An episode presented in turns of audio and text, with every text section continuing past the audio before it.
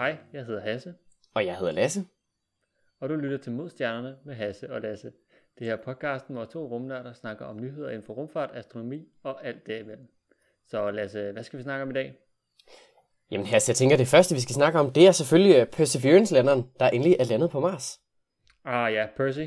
Simpelthen, lille Percy, der er landet. Det, øh, det gik jo faktisk som, øh, som smurt. Jeg ved ikke, du fulgte, fulgte med live, tænker jeg. Uh, ja, så live som nogle gange kan være, uh, Ja, men ja. jeg så med på, på, på NASA's uh, stream, ja. Ja, utrolig nok. Jeg fulgte med på TV2 News, der havde de også en dækning af det. De var faktisk mm. foran i forhold til øh, NASA Live. Det synes jeg var lidt spøjst. Lige sådan til 15 sekunder. Det var sådan lidt mystisk Okay. faktisk, men, øh, men de var lige lidt foran. Jeg havde den kørende på, på to skærme, så lidt underligt. Der troede jeg ellers, NASA ville være de, de første der, men øh, TV2 News er altså hurtigere. Men ja, det lykkedes jo. Ja, man fik første, første billede hjem fra roveren, så det var sådan en thumbnail, så var det sådan, de er nede nu, man kunne se noget, nogle sten, hvad det ligner sten, på, på Mars overflade. Ja, ej, det var sgu, øh, det var cool. Det var rimelig, rimelig godt gået. Så øh, øh, måske lige det, nævnte det der med, at øh, det jo ikke rigtig var, var, var live som sådan. Der var jo et delay på, på, ja, hvor mange minutter er vi ude i? 15 eller sådan noget? Ja, de, de der 12-15 minutter, det, det prislejer vi i hvert fald. Ja. Så altså, når de ligesom øh, viser, at, at det hele foregår sådan øh, live, og at okay, nu ved de, at, at øh, faldskærmen er blevet smidt og så videre, øh, det er selvfølgelig med de her ja, ja, 12-15, hvor mange minutters delay der nu er. Øh, så i princippet så er det hele, det skete jo ligesom 10 minutter, eller hvor meget det nu er, før øh, vi egentlig melder det, men vi får det ligesom så live, vi kan. Så vi har i princippet bare rykket det hele 10 minutter, og så lader vi som om, at det er live. Så, så hvis, den, hvis den var styrtet, så havde vi først fået det, ja, så 10 minutter senere. Det havde været lidt Ja, og det er jo selvfølgelig fordi, at Mars er jo altså lige et godt stykke væk fra jorden, og det tager, om end med lyshastighed, lidt tid om at komme øh, få signaler tilbage til jorden. Så det, ja. det er simpelthen derfor. Så det, så det er så videre sammen, så man kan få det, øh, men der er så sådan en lille, altså så hvad man siger, det tager jo cirka små 10 minutter at komme ned igennem atmosfæren og lande, og der er så det her 10 minutters ja, øh, delay på, på signalet. Så hvad man siger, nærmest når, den, hvad man siger, når vi ser eller oplever, at den øh, rammer øh, atmosfæren, så er den jo nærmest allerede nede. Øh, Ja, så, Så, det, der er lige det der delay på, men det, Ja. ja. det er jo så desværre en del af, af hvad skal man sige, øh, af hele processen. Det, er- det er altid noget, det ikke er længere ude, fordi så havde det bare taget længere tid. Så Ja, ja for pokker. Uha. Ej, en ting, jeg synes altså var, altså det hele, øh, hvad man siger, missionen ned igennem atmosfæren var jo altså et kæmpe succes, men en ting, jeg godt nok lagde mærke til, var, øh, hvor hurtigt den smed, altså kapslen her smed 4 km i sekundet ned igennem atmosfæren, af sådan, altså i hastighed. Den kommer ind med sådan noget øh, øh, pænt, her, pænt hurtigt, men på et tidspunkt, så øh, med- det her varmeskjold, der sidder foran, så er det omkring 5 km i sekundet, og der går ikke sådan mere end to minutter, så er den nede på en kilometer i sekundet. Altså, den smider de 4 km. Det er jo fuldstændig vanvittigt.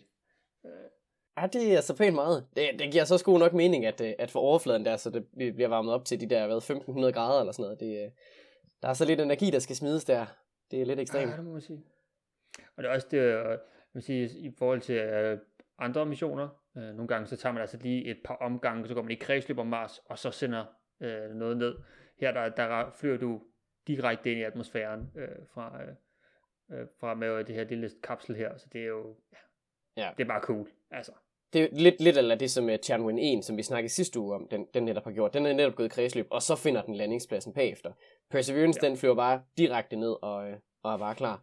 Det, øh, så er der noget mere fart på. Der kan man sige, der har de ikke bremset ud i rummet først, og så bagefter lander de. De kommer bare med fuld fart lige ned igennem atmosfæren. Så ja. der er lidt mere fart på, men man kan sige, de, øh, de har selvfølgelig bygget den øh, til at kunne holde til det. Så Der er Ja. et eller andet, jeg vil næsten sige dejligt amerikansk med den attitude, det er bare sådan, ja ja, fuld fart fra mig, ned i atmosfæren, kom så. det var, kom bare brasende igennem døren, bare sådan. America. Ja, fantastisk. Men den er jo så landet i Jezero-krateret, er det rigtigt udtalt? Ja, det er det i hvert fald nu. Jezero, Øhm. øhm. Jezero, ja.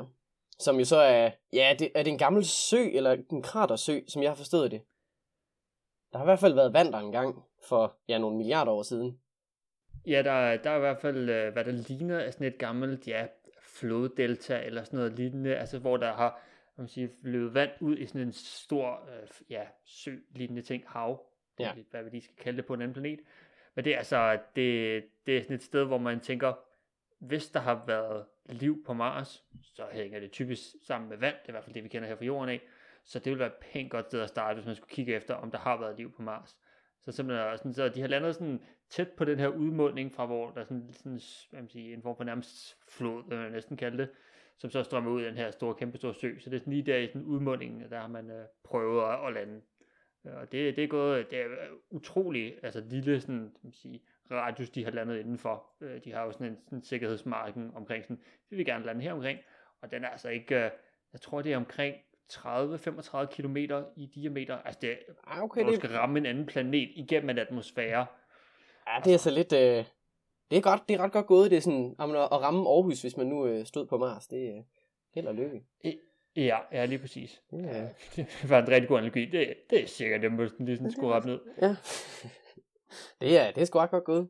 Men så der er de simpelthen landet der, og øh, ja, så nu er Mars jo ikke ligefrem det mest gæstfri sted i verden, øh, ja, i universet. Måske mere end, øh, end nogle af de andre planeter, men altså vi snakker stadigvæk en, en god sådan 90 graders øh, temperatursvingning i løbet af et døgn. Så øh, Ja, det er måske ikke, øh, ikke så super fedt at, øh, at skulle være deroppe som, øh, som menneske. Men det er jo heldigt, at, øh, at det bare er en, en lille robot ja det bliver sådan lige lidt over 0. Det er et par grader over, er det ikke sådan noget? Jo, jeg tror, at der var varmerekord for et par år siden, øh, for, i hvert fald for Curiosity. Øh, og der var der en, jeg tror det var en små 18-20 grader eller sådan noget i solskinnet. Øh, og det er, øh, det, var, altså, det er jo mega varmt. Altså det vil jo svare til, at der var 60 grader her på jorden næsten eller sådan noget. Det er 20 grader, det er jo nærmest dansk højsommer. fedt. Danmarks vejr svare i gennemsnit til, øh, til Mars. okay, måske ikke. Der er lidt, lidt koldere på Mars, Ja. men øh, ja. Men øh, ja, og så, så så jeg lige, at uh, Ingenuity altså også har det helt fint. Den lille helikopter, som uh, Perseverance har Åh med oh, sig. ja. Ja, den, øh, den har altså også lige øh, givet en lille thumbs up, og den øh, klarede sig også turen ganske, ganske glimrende. Det kommer godt nok til at tage noget tid, før den rent faktisk skal i gang med sine små flyveture, men øh, den, øh, den, den har det altså fint. Ja. Det tager noget tid, for den har lavet de her batterier op. Øh, det meste af tiden, det skal den faktisk bare bruge på at holde sig varm. Øh, det er som sagt pænt koldt, og hvis det bliver for koldt, så går den altså i stykker. Så, øh, så den bruger meget af det strøm, den egentlig får fra sollyset i løbet af dagen, på egentlig bare at holde sig varm. Her til at starte med, der skal den altså bare lige lades op til, jeg tror de satser på cirka 30% af batterikapaciteten. Og så tjekker de lige, hvordan den lige har det, og så vælger de, hvad de Ja. så skal gøre derfra. Men øh, lige her i første omgang, der, øh, der skal den altså bare lige lades en lille smule op. Så vi kan nok Ja. forvente nogle, nogle små flyveture om ja, en, et par uger. Altså sådan, vi snakker nok en måned eller to. Men øh, Ja. nu må vi lige se. Det kommer an på, hvor hurtigt den lige lader op, og hvor koldt det bliver i løbet af nætterne. Men øh, Ja, lige præcis. Ja, fordi den, de har jo de, de her uh, RTG, altså den her Radiothermic Generator, som altså bruger øh, ja, radioaktiv plutonium, jeg tror det er 238, øh, sådan en isotop til at, til at lave strøm. Så, så det er altså bare om at, at udnytte det så meget man kan lige her i starten, for at sikre sig, at alting fungerer. Og så, så kommer man ligesom i gang med sådan noget, ja, operations. Ja. nu må vi se, om, øh, om, ikke det, om ikke det snart spiller.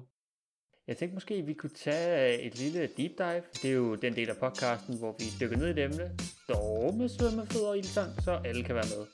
Og jeg tænkte måske, at vi kunne hvad man sige, dykke lidt ned i Perseverance roveren, hvad der sådan, hvad er det egentlig for en størrelse, og hvad er der ombord, for nu er den kommet hele vejen til, til Mars, og hvad kan den så egentlig? Altså, hvad, hvad er det lige, den skal? Jeg tænkte, det ville være en meget god idé.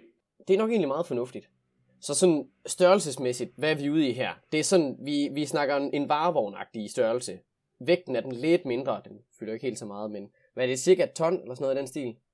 Ja, lige lidt over et ton vejer den. Ja. Øh, og så, så vi jo, ja, ja, en, en bil, mindre varevogn. Altså, den har jo ikke sådan, på samme måde, sådan et altså, størrelsesmæssigt med en ladvogn og sådan Ja, noget. hvor, hvor meget Men- bagagerummet på, der er ikke... Øh... Øh, ja. Ej, den har vist ikke rigtig Ja. noget der. der, den, tager, den tager heller ikke isofix, og der er ikke barn sidder i. Sorry. Ah, dammit. Ja, okay. Er det gule eller hvide plader egentlig? Øh, gul blad. ja, det, er vist egentlig, øh, egentlig offentligt ejet, så ja. ja, det må være andet der. Ja, den, øh, den har så ikke, øh, ikke solceller, ligesom øh, Opportunity havde i gamle dage. Øh, den, den fungerer jo egentlig meget ligesom Curiosity, den, den seneste NASA-rover.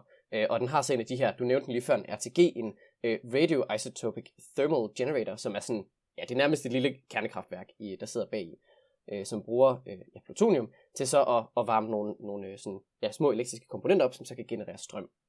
Øh, og den genererer så sjovt nok mest strøm til at starte med, fordi det der plutonium ligesom er friskest, den øh, ligesom sige, henfalder ligesom, og så bliver effekten altså lavere og lavere, som tiden nu går. Man har også brugt de samme, den samme type øh, strømgenerator på blandt andet øh, Pioneer og på Voyager-kapslerne. Og de fungerer så på samlet også med, at de så har mest strøm til at starte med, og så bliver de nød, ligesom nødt til at, at slukke for nogle af komponenterne, som tiden nu går. Ja, fordi den har jo, den her ACG kan jo generere omkring, fra start af i hvert fald, 110 watt, øh, ja, hvilket lyder som, altså ingenting, hvad, jeg tænker en støvsuger i dag, den trækker, øh, jeg tror det er sådan noget 12-1500 watt. Ja, noget i den stil. Så, Ja. øh, så det, er ikke, det er ikke synderligt meget, altså det er ikke nok til at drive en støvsuger, men altså, øh, jeg driver bare en varevogn på Mars i stedet for. Det, er- det er fantastisk. Det er okay. Ja, ja. hvad har den egentlig af instrumenter? Nu vil jeg lige, øh, nu vil jeg lige vel af det her.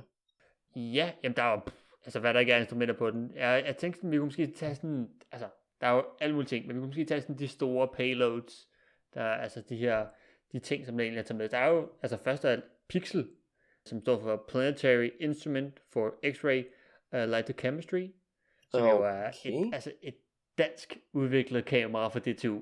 Nå ja, det, det hørte jeg godt om, de snakkede om i, i det der øh, TV2 News indslag med, at de havde været med til at lave den. Så er det, er det basalt set egentlig bare et kamera, der skal kigge i røntgen på sten? Er det det, vi er ude i her? Det er lidt der, vi er, ja. Den, Hmm. den sidder sådan, der er selvfølgelig selve, den hedder Perseverance, og den har sådan en høj mast i midten, hvor der sidder, sådan, der sidder Supercam op på top, som sådan en kamera, den kigger på. Og så ude foran, der har den så sådan en form for arm, og ude på spidsen af den arm, der sidder så pixel. Det er lidt ligesom sådan en, øh, en ekstra, hvad ved jeg, femte arm, der peger fremad, som lige kan sådan lige, sådan køre ud, og så kan den Uh. simpelthen lige kigge på den her overflade, ja. Så ideen er, at man så bruger de her røntgenstråler og det her kamera til at, til at undersøge den her, de her overflader, der er på Mars. Så, øh, altså, der er jo Danmark med helt i fronten, både bogstaveligt talt og øh, på andre måder. Ja, og så er der også, der er RIMFAX, som står for Radar Imager for Mars Subsurface Experiment. Spændende forkortelse. Ja, jeg, jeg tænker næsten, der har været en astronom ind over lige at sige, skal vi lige trække nogle bogstaver ud af nogle forskellige ord? Lige, ja, ja, sådan der. Det, vil, det ville da give mening, hvis der var en astronom, der havde været med der i hvert fald. Det, øh. ja, okay. Hvad, og hvad, hvad skal det så? Radar imager, det lyder som noget, øh, noget radar et eller andet, men hvad er vi ude i her? Lige præcis, så den skal kigge på, hvad man siger, bruger radar til at kigge på under overfladen. Okay, så det er sådan Ja. ja. sub, sub, øh, subterransk, eller hvad kalder man sådan noget? Ja, Submarsisk. Ja, okay, så den skal simpelthen kigge, kigge på, på under overfladen. ja, ja. Interessant. Så det, så det er sådan lidt, lidt ala inside landeren, eller hvordan? Det var godt nok seismisk, men altså... Ja, på en måde, ja. Det man gerne vil prøve at undersøge, jeg vil sige, undergrunden, og men det ikke er sådan på samme måde som Insight, som var jo meget dybere. Rimfax er sådan mere, ja, i den her sådan meters penge, vi, vi kigger i, sådan i dybden. Alright. Øh, norsk udviklet, efterhånden som man ligesom fandt ud af alle de her, kigger på de her payloads, så er det sådan, der er en god blanding af forskellige lande, som har været med til at, at, at hvad man sige, lave, lave payloads. Der er næste, det er jo MEDA, som er Mars Environmental Dynamic Analyzer, som er fra Spanien af. Så nu er vi sådan lidt stille begyndt at komme igennem Europa. Ja, okay. Øh, som skal måle temperatur og vindhastighed og vindretning, tryk, fugt og stråling og partikler i luften. Så det er sådan lidt sådan en, ja, det er vist en god værstation, skal vi ikke sige det sådan? Det lyder da som sådan øh, DMI's øh, ønskedrøm der. Det er lige øh, alle, alle mulige målinger, man kan foretage sig der. Det er ret fantastisk. Ja, der kommer en let sandstorm ind først. Let sandstorm fra øst, cirka minus 80 grader. Ja. Stiv kuling. Øh, hvordan, er der noget med, at de har inkluderet en MOXIE den her gang? det er jo lige præcis det. Det er jo den her Mars Oxygen ISRU experiment, som er altså sådan en, det skal lave oxygen ud fra det her, der er jo CO2 i atmosfæren, cirka 95% af hele atmosfæren er CO2. Så hvis man nu kan sådan generere oxygen ud fra det, så er det rigtig godt. Hvis man gerne vil have nogle øh, astronauter op, så kan man lige sige, uh, I kan trække vejret. Fedt. Det er jo en fordel, kan man sige. Det er det. Især hvis man gerne vil være der længere end et par minutter. Og, og ellers så, så skal det jo også kunne bruges til, altså ideen er, at man kan bruge det til, til brændstof til raketter på et tidspunkt, fordi hvis du har flydende oxygen, flydende hydrogen, smækker det sammen, sætter det helt ned i bunden, så er vi ligesom ved at være godt i gang. Så øh, det, er- det, bliver, det, det er et rigtig stort eksperiment. Ja, hvis man har læst uh, The Martian, uh, så bliver den faktisk også nævnt i den, uh, den her, det her koncept med en, en MOXIE, som så kan, ligesom, kan konvertere CO2 til, til oxygen. Den bliver nævnt blandt andet i den bog, og altså har været uh, hvis man siger, på tegnebrættet, jeg ved ikke hvor mange år. Uh, så det er ret fedt, at de rent faktisk ligesom har inkluderet den på det her, uh, det her kørende laboratorie. Så det er virkelig, det er et af de helt store uh, eksperimenter, den her, uh, vil jeg i hvert fald uh, vurdere den til. Ja, det er jo sådan en lille, jeg set, der er sådan et billede af den, at det, det er sådan en lille sådan boks, firkantet boks, der bare altså, skinnende guld, fordi det, ja, fordi det er bedre til, til varme og sådan noget. Så det er simpelthen, det, er sådan, det ligner lidt sådan the, the golden prize, man ligesom sådan sætter ned i uh, det her la- laboratorie her, og så flyver det til Mars. Det er, ja, det skal nok blive cool. Det, det er lidt vildt. Hvad er der ellers? Så siger du, der var Supercam deroppe øverst på, øh, på masten. Er det sådan dens øh, overordnede kamera? Ja, lige præcis. Det er det der, man sådan kan, kan sige, navigere ud fra, for så kan du tage nogle forskellige billeder, og så kan du ligesom se, hvordan det, det er. Og der er også der er et sådan stort oppe i toppen, øh, og så er der også øh, to mindre nedenunder, som er, som er det, der hedder mastcam, for de sidder på en mast, men det er så sådan nogle stereoskopiske kameraer, øh, som kan zoome, så, så forhåbentlig så får man nogle ret gode billeder, og ellers så kan de jo selvfølgelig også selv bruge det til, om man sige, se længere ud i distancen, om der er noget jeg sige, spændende, eller noget, de skal være opmærksom på, sådan, vi skal måske lige køre roveren udenom et eller andet. Ja. Hvordan, er det øh, ligesom med, med Curiosity, har den så også den der laser med, så den kan lave, øh, lave spektroskopisk analyse af overfladen, eller hvordan? Lige præcis, det er der nemlig også. Så altså, det er sådan, den er jo super spækket med, altså, jeg tror der var, der er også kameraer under den, altså på sådan undervognen, hvis man kan sige det sådan, øh, både forved, mm. foran og bagved. Øh. Okay, så man kan ligesom se, hvor man kører hen. Ja, den har både bakkamera, det er det, den har. har, den, øh, har den flere fede øh, eksperimenter med, eller hvad er vi ude i? Ja, altså der er jo der er stadigvæk, øh, der er selvfølgelig der er masser, vi kan ikke nå at nævne dem alle sammen, men der er også den, der hedder Sherlock, hvilket allerede tænker sådan, mm, Nice navn. Ja. ja, ja, igen, som er Scanning Habitable Environment with Raman and Luminescence for Organic and Chemicals. Så det er mm. altså sådan en, en, sådan, en form for scanner, øh, som, som skal bruges til at lede efter organiske molekyler og, og hvad man siger, andre øh, kemikalier, eller hvad der skulle være på overfladen. Altså selvfølgelig ikke kemikalier, men chemicals. Jeg ved ikke, hvad det bedste oversættelse er der, men... Ja, yeah, kemikalier, I suppose. Ja. Ja. Til ligesom at, at kigge på den her overflade, og hvad den består af. Det er, det er pænt sejt. Blæret nok. Sherlock. I øvrigt også fantastisk navn, at det er, det er jo sådan en lille detektiv næsten, og så er den simpelthen, øh, har den lige en, øh, så er den selv en detektiv også. Det, er ret sjovt. Det er bare perfekt. Mm. Der er igen, det er simpelthen det der med navnene der, det er de skulle bruge til.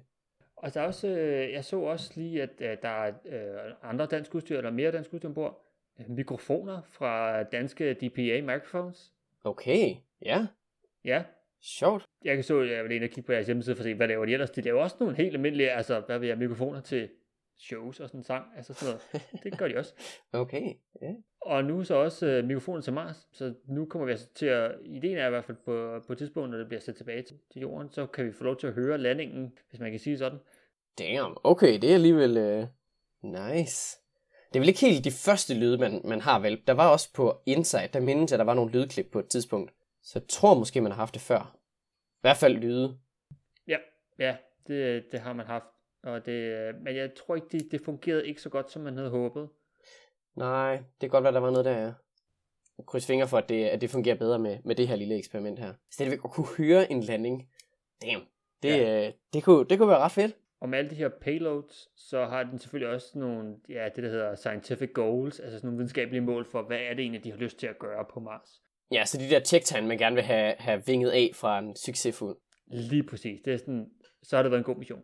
Så er det den første, den hedder, ja, nu tager vi lige på engelsk, så skal vi nok prøve at oversætte det til dansk, som er Looking for uh, Habitability, Identifying Past Environments Capable of Supporting Microbial Life. Så det er altså, man kigger på, at man sige, muligheder for, for, om der kunne have været liv. Om, hvis man kigger yeah. på de her, den her flod, øh, man sige, seng, tror vi så dansk er. Ja, tror jeg det er godt øh, dansk ord, flodseng, som er sådan der, hvor man siger, vandet er løbet ud i en sø, for at se, kan, det her, kan der have været det her mikrobielt, altså sådan bakterielt liv øh, på Mars for. Ja. Den, øh, den næste, det er jo så Seeking Biosignatures. Seek signs of possible past microbial life in those habitable environments, particularly in specific rock types known to preserve signs over time.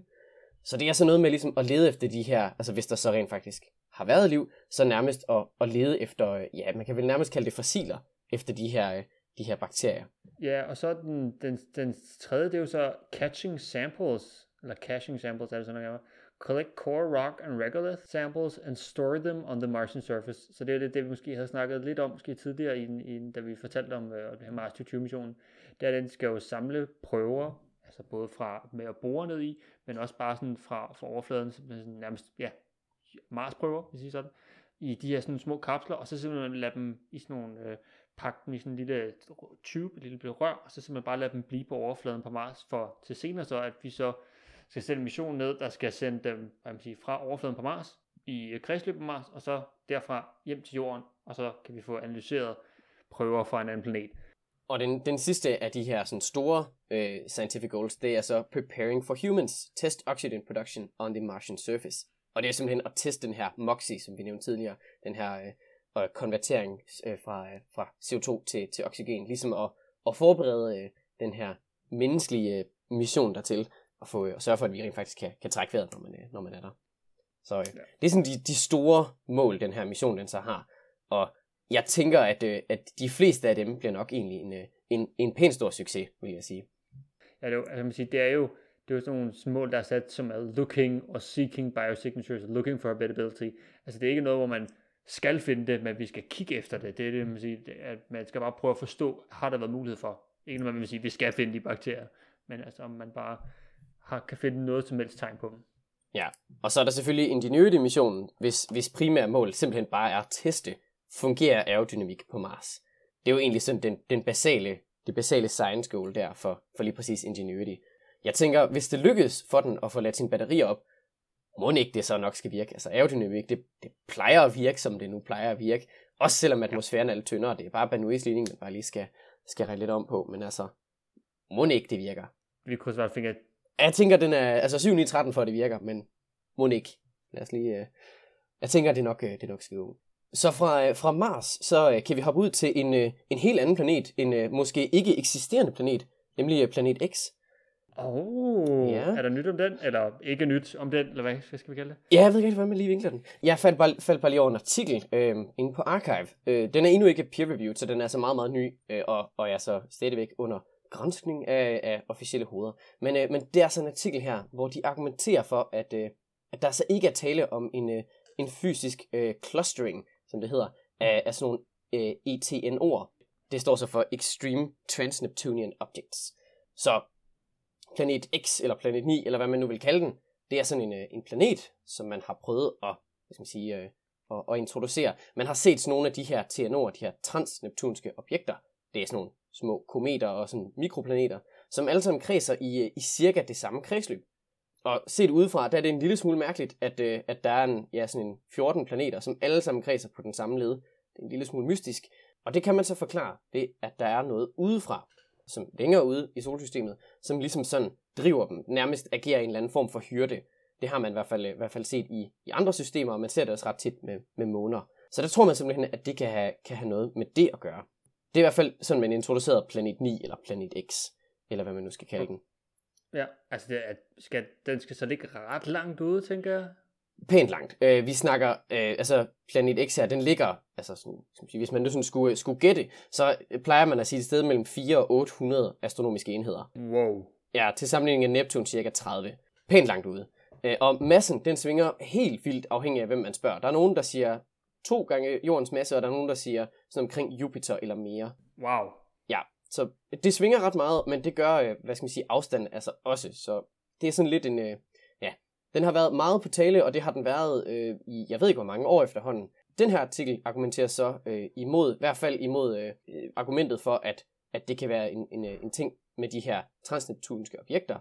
De begynder at, at regne på noget statistik og, og prøve at finde ud af, altså det, det er taget fra tre forskellige, hvad skal man sige, øh, øh, surveys, altså sådan forskellige scanninger af himlen, der hvor man har fundet de her, det er i alt 14 objekter, der er tale om, som alle sammen kredser på den samme led. Og der prøver de at finde ud af, om der egentlig er øh, statistisk evidens for, at de reelt set øh, hvad skal man sige, er klynget sammen, eller om det er bare måden, vi nu har detekteret dem på. Og de konkluderer faktisk, ud fra for hvad de nu ligesom lige har lavet, at tallet er, af hvad skal man sige, sandsynligheden for, at de, de rent faktisk er klynget sammen, den, den er noget, øh, der er noget bredere spænd på, hvad, hvad muligheden er. Den originale artikel øh, fra 2016 der, der vurderer de, at der er cirka en 95% chance for, at de, øh, at de er klynget sammen. Øh, I den her, der vurderer de, at der er et sted mellem 17 og 84%. Så igen, super bredt spænd.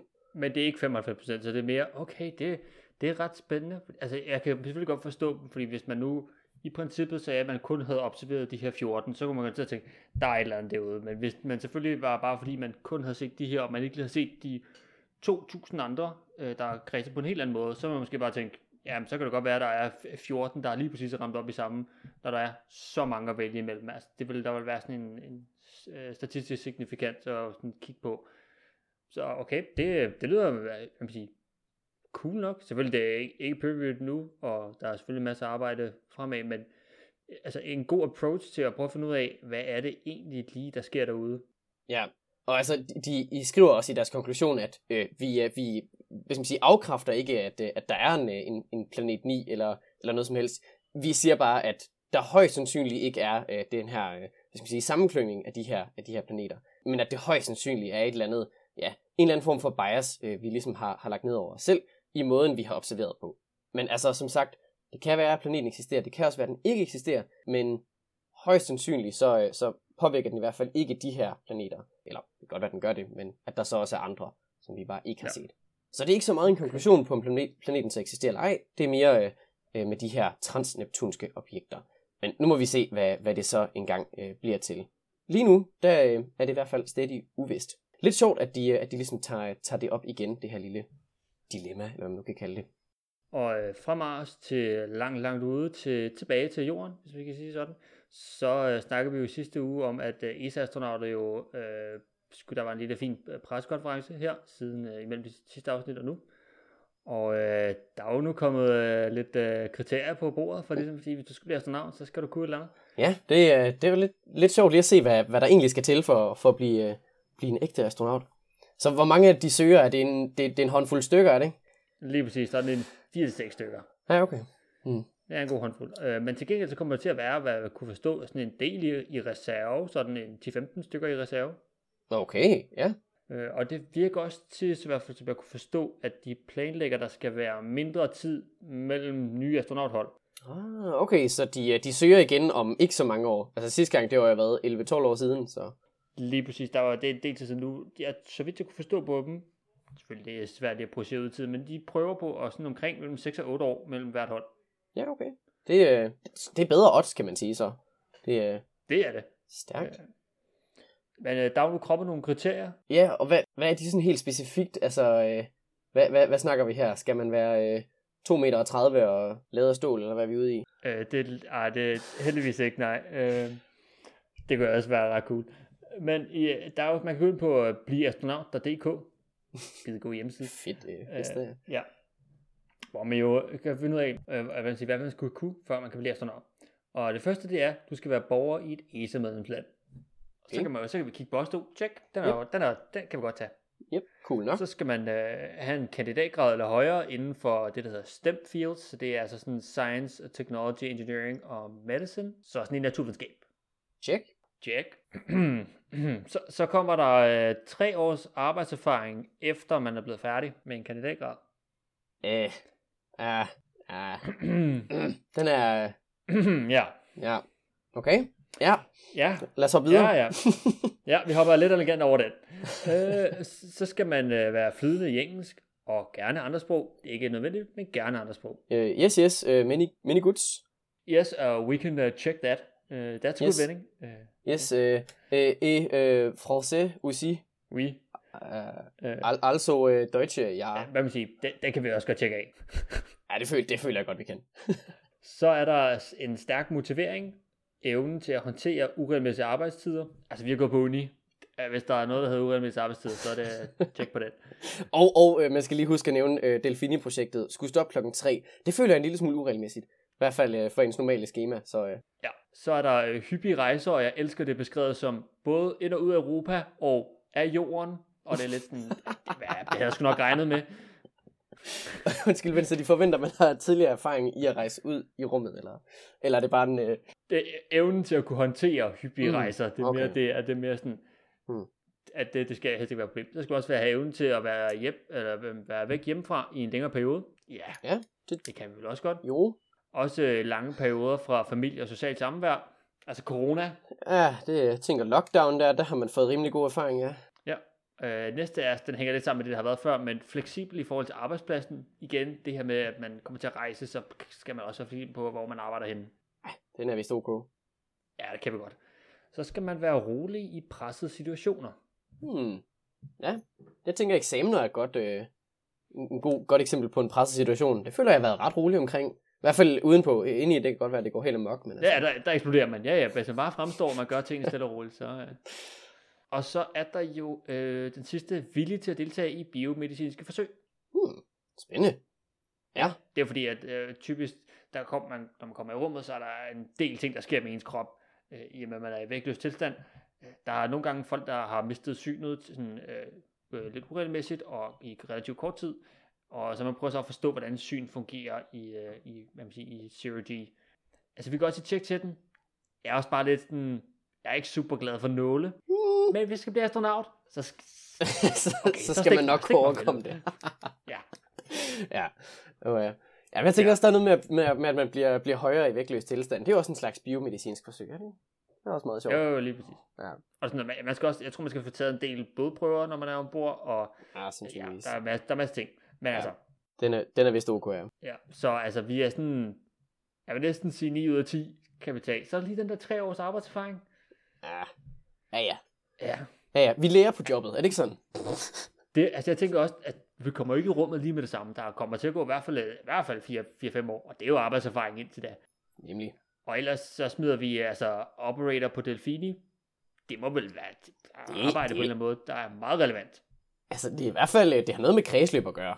Så altså, og operations, og man skal forstå et stort system, og altså, Ja, ja. Der, ja, det- masser af erfaring. jeg tænker, ved du hvad, vi søger bare, altså, og så kan det være, at jeg tænker, det kan godt være, at han ikke har tre års arbejdserfaring, men han er godt nok god til alle de andre ting. Skal jeg virkelig have. Ja. Oh, ja. Men altså, øh, i princippet, så er det jo bare at komme ind og søge. Så ansøgningerne, de åbner fra, hvad er det, den f- 31. marts, tror jeg. 31. marts, ja. Og så løber I frem til en gang i maj, så Ja, så det er sådan to måneders tid, man har. Og der, der er udover de her ting, som vi lige har nævnt, så skal man også have taget sig øh, et, sådan et medicinsk tjek, og det er et meget specifikt medicinsk tjek, der hedder Class 2. Og det er egentlig ikke sådan, det er, det er ikke sådan noget, hvor du skal, sådan, du skal kunne løbe et maraton, og skal kunne, øh, hvad ved jeg, tage 1000 armbøjninger i minuttet, eller sådan noget.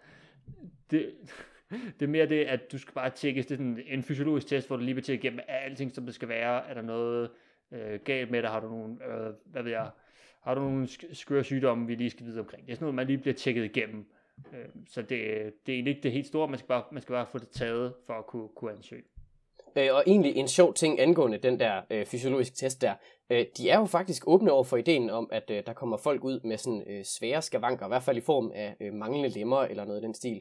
Øh, jeg tror faktisk specifikt med det krav der med, at man skal have taget den test, der, der er der også, hvis man har den undtagelse, som er, hvis ikke det var for den her ene øh, skavank, du har, så vil du bestå den fysiologiske test. Så kan du faktisk stadigvæk ansøge. Så hvis man mangler øh, et ben, eller øh, er øh, dværg, eller andet, øh, har nogle, øh, nogle andre sådan fysiske handicap, så er det ikke nødvendigvis en, øh, en begrænsende faktor. Så, øh, så selv Ja. hvis man øh, lider af noget i den stil, så kan man altså sagtens ansøge alligevel. Så øh, lad ikke det holde jer tilbage, hvis der er nogen, der overvejer det. Ja, jeg tænker, det, det må så faktisk nok blive, ja, hvad jeg går ud fra, er nok sådan verdens første para-astronaut, må det vel hedde? Lige præcis. Det, øh, det er faktisk det, de... øh, Jeg tror faktisk egentlig, de søger specifikt en. Er det forstået rigtigt, eller er det bare, at de åbner over for ideen?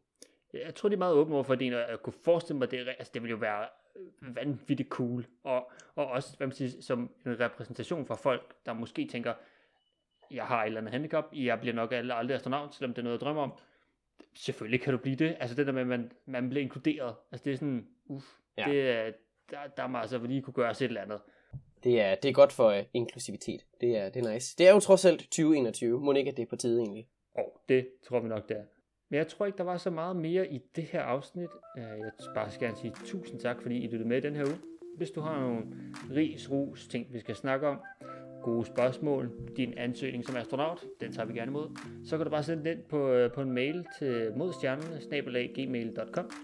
Du kan huske, du kan følge os på Instagram, og selvfølgelig også følge podcastet på din yndlingspodcast tjeneste. Vi snakkes ved i næste uge.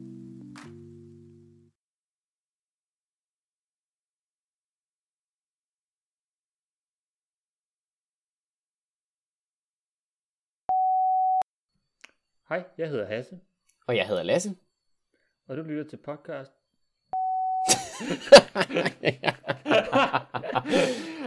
Ah, der er noget tager Okay, Well. vi tager den bare en gang til.